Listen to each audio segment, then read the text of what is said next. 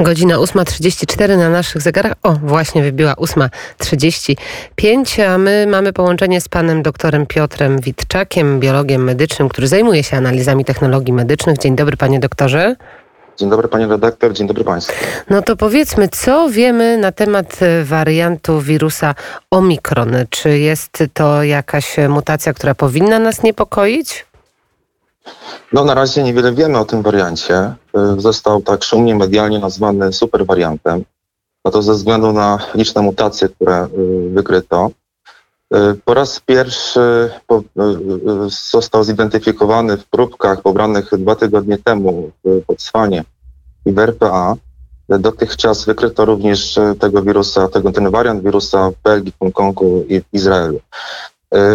Podobno jest zidentyfikowanych 50 mutacji, z czego 32 dotyczą samego białka kolca. I tutaj spieszę z pewną informacją, ponieważ y, szczepionki, które są obecnie dostępne na rynku, one generują odporność skierowaną wyłącznie względem białka kolca. Więc te mutacje w obrębie białka kolca są istotne w kontekście potencjalnej ucieczki tego wariantu przed y, odpornością generowaną przez szczepionkę.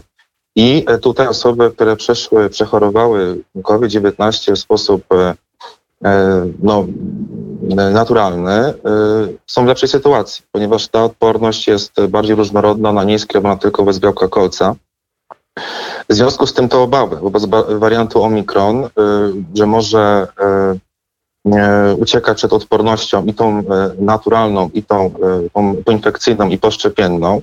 Natomiast chciałbym Państwa uspokoić, ponieważ doniesienia, które dotychczas pojawiają się, wskazują raczej, że przebieg, przebieg infekcji wariantem Omikron jest łagodny bądź umiarkowany.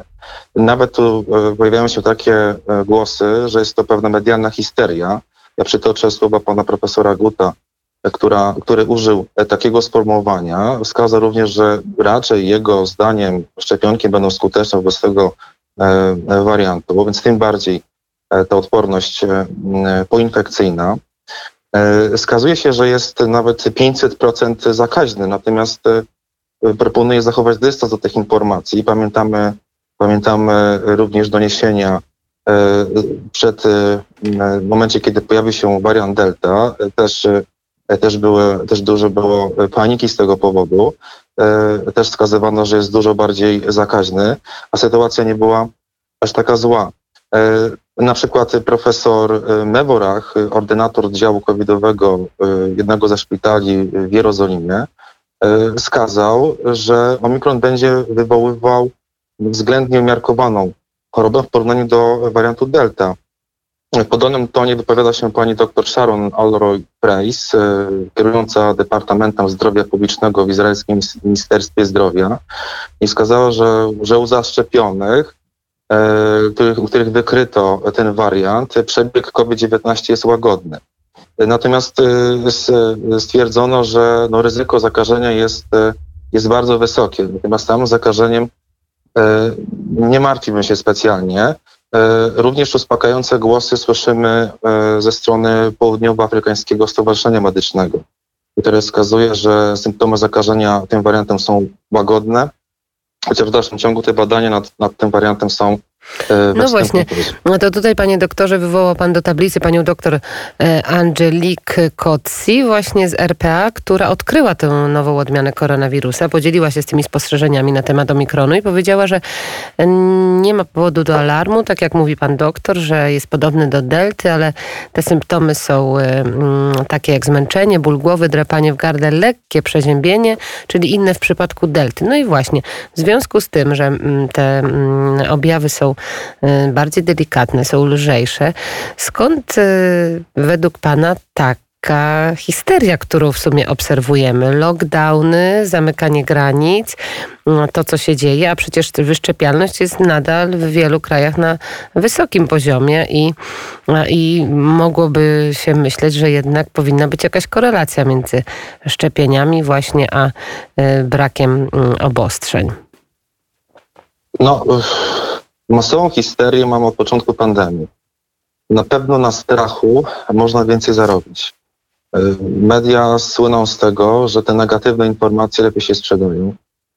więcej jest kliknięć, więc to akurat nie powinno to dziwić, że taka jest narracja. Ja tego oczywiście nie popieram i to ma niestety bardzo negatywny wpływ na stan psychiczny obywateli. Już nie wspomnę o tym, że taka masowa histeria staje się takim fundamentem do wprowadzenia kolejnych obostrzeń. E, społeczeństwo jest, e, no, bardziej akceptuje tego typu rozwiązania, które już wiemy zgodnie z wynikami badań, które spłynęły przez, przecież przez ten okres e, czasu od początku pandemii, że te obostrzenia są albo mało skuteczne, albo, albo w ogóle nieskuteczne. Zresztą pan minister Niedzielski ostatnio przyznał to publicznie. W związku z tym mm, tym bardziej nie powinniśmy jako społeczeństwo akceptować tego typu rozwiązań, bo straty będą większe niż potencjalne korzyści. Zważywszy, że mamy takie e, dosyć pozytywne informacje na temat e, tego wariantu w kontekście jego zjadliwości.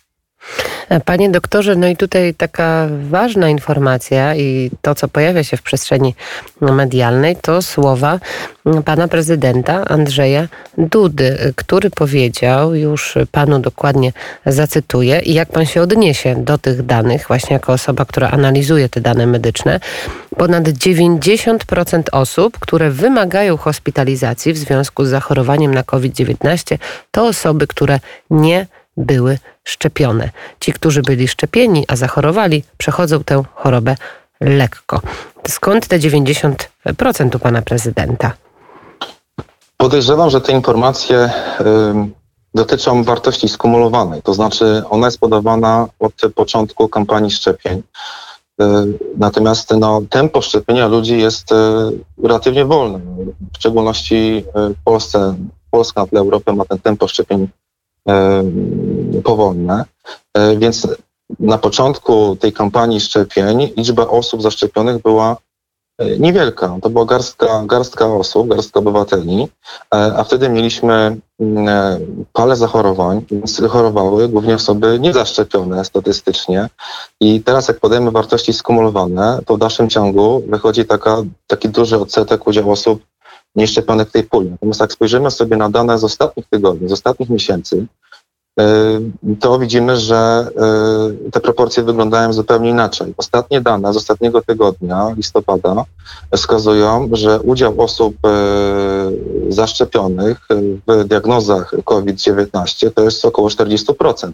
A ja tak podejrzewam, że są to wartości wartości zaniżone z tego względu, że jest jednak większa tendencja do testowania osób e, nieszczepionych niż zaszczepionych, aczkolwiek to ostatnio się zmieniło i z tego co wiem, obecnie e, ta proporcja tych, tego testowania między zaszczepionymi a niezaszczepionymi są podobne.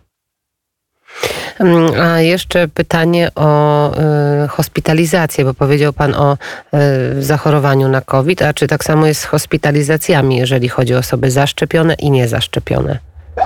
Problem polega na tym, że w mediach często podawane są tak zwane dowody anegdotyczne, czyli pytałem akurat ekspertów sytuację w danym szpitalu. Rzeczywiście um, eksperci, które pojawiają się w mediach, e, częściej wskazują, że przewaga jest e, osób nieszczepionych w szpitalach.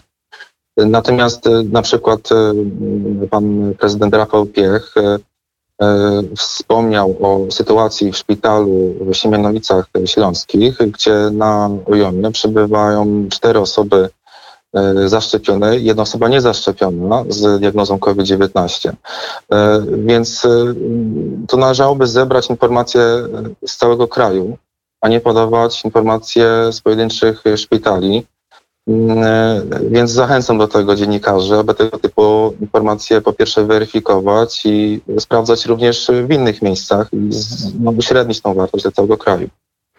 To na pewno e, by się przydało i na pewno takie informacje by też nam dużo e, wyjaśniły. I na koniec jeszcze e, pytanie związane z, z obostrzeniami. To już w sumie pan doktor na początku powiedział, ale też poleca pan pewną książkę, która się pojawiła, Pandemia zdemaskowana. Profesor Karina Rajs i profesor medyczny Suchari Bhadi. Y, dlaczego ta książka jest istotna i ważna? Mm, Po pierwsze podsumowuję ostatnie doniesienia naukowe na temat różnych aspektów tej pandemii. Na przykład, czy osoby mm, bezobjawowe zakażają, jakie jest ryzyko tego zakażenia? E, Czy rzeczywiście szczepienie e, dzieci ma sens? E, Czy e, SARS-CoV-2 rzeczywiście jest bardzo śmiertelny i stanowi duże zagrożenie? Oraz czy w ogóle sytuacja pandemiczna przez ten okres czasu, który upłynął od momentu, od marca 2020 roku do chwili obecnej, no wskazuje na to, że mieliśmy sytuację, czy mieliśmy jakieś, e, jakieś zjawisko em, ponadprzeciętne. I w Niemczech, bo em, akurat profesor Bagdi pochodzi, że on akurat mieszka już od dłuższego czasu w Niemczech, przedstawia tam sytuację i tam tych nadmiarowych zgonów było bardzo mało, więc e, akurat w Niemczech naprawdę nie było widać niczego szczególnego, a nawet e, w tej książce zwrócono uwagę, że obłożenie, obłożenie e, łóżek e, intensyw- intensywnej terapii też nie było większe niż w 2019 roku. I mm, zresztą muszę tutaj przytoczyć też dane, które przedstawił mm, em, pan e, Jerzy Milewski na posiedzeniu Komisji Śledczej, m, której mam zaszczyt być członkiem i wskazał, że y, liczba respiratoroterapii i wentylacji mechanicznej w 2020 roku w Polsce była mniejsza niż w 2019 roku, więc dla wielu ludzi może być to zaskoczeniem. Podejrzewam, że główną przyczyną tej obecnej sytuacji, która jest w Polsce e, i tej dużej skali nadmiarowych zgonów jest e, e, reorganizacja ochrony zdrowia, zbyt duża panika i niewspółmierne środki do zagrożenia. Natomiast COVID-19 gdzieś ten udział ma w następnym, no, gdzieś w kolejnych rzędach tych różnych czynników. Tematów jest bardzo dużo, które chcielibyśmy poruszyć, to y, innym razem. Bardzo dziękuję za ten głos. Pan dr Piotr Witczak, biolog medyczny, który zajmuje się analizami technologii medycznych, a ta komisja śledcza związana jest z... Z e, też poszukiwaniem e, danych, ustalaniem stanu faktycznego związanego z różnymi aspektami tej pandemii. Przesłuchujemy lekarzy, e, przeważnie osoby związane z ochroną zdrowia w jakiś tam sposób, e, czy to ratownicy medyczni, czy mm, lekarze, czy osoby, które zajmują się właśnie analizą danych związanych z pandemią. Bardzo dziękuję jeszcze raz, pan dr Piotr Witczak. Dziękuję za rozmowę. Dziękuję Państwu, dziękuję Panie. P- Pozdrawiam serdecznie i zapraszam już na rozmowę z panem Tadeuszem Cymańskim.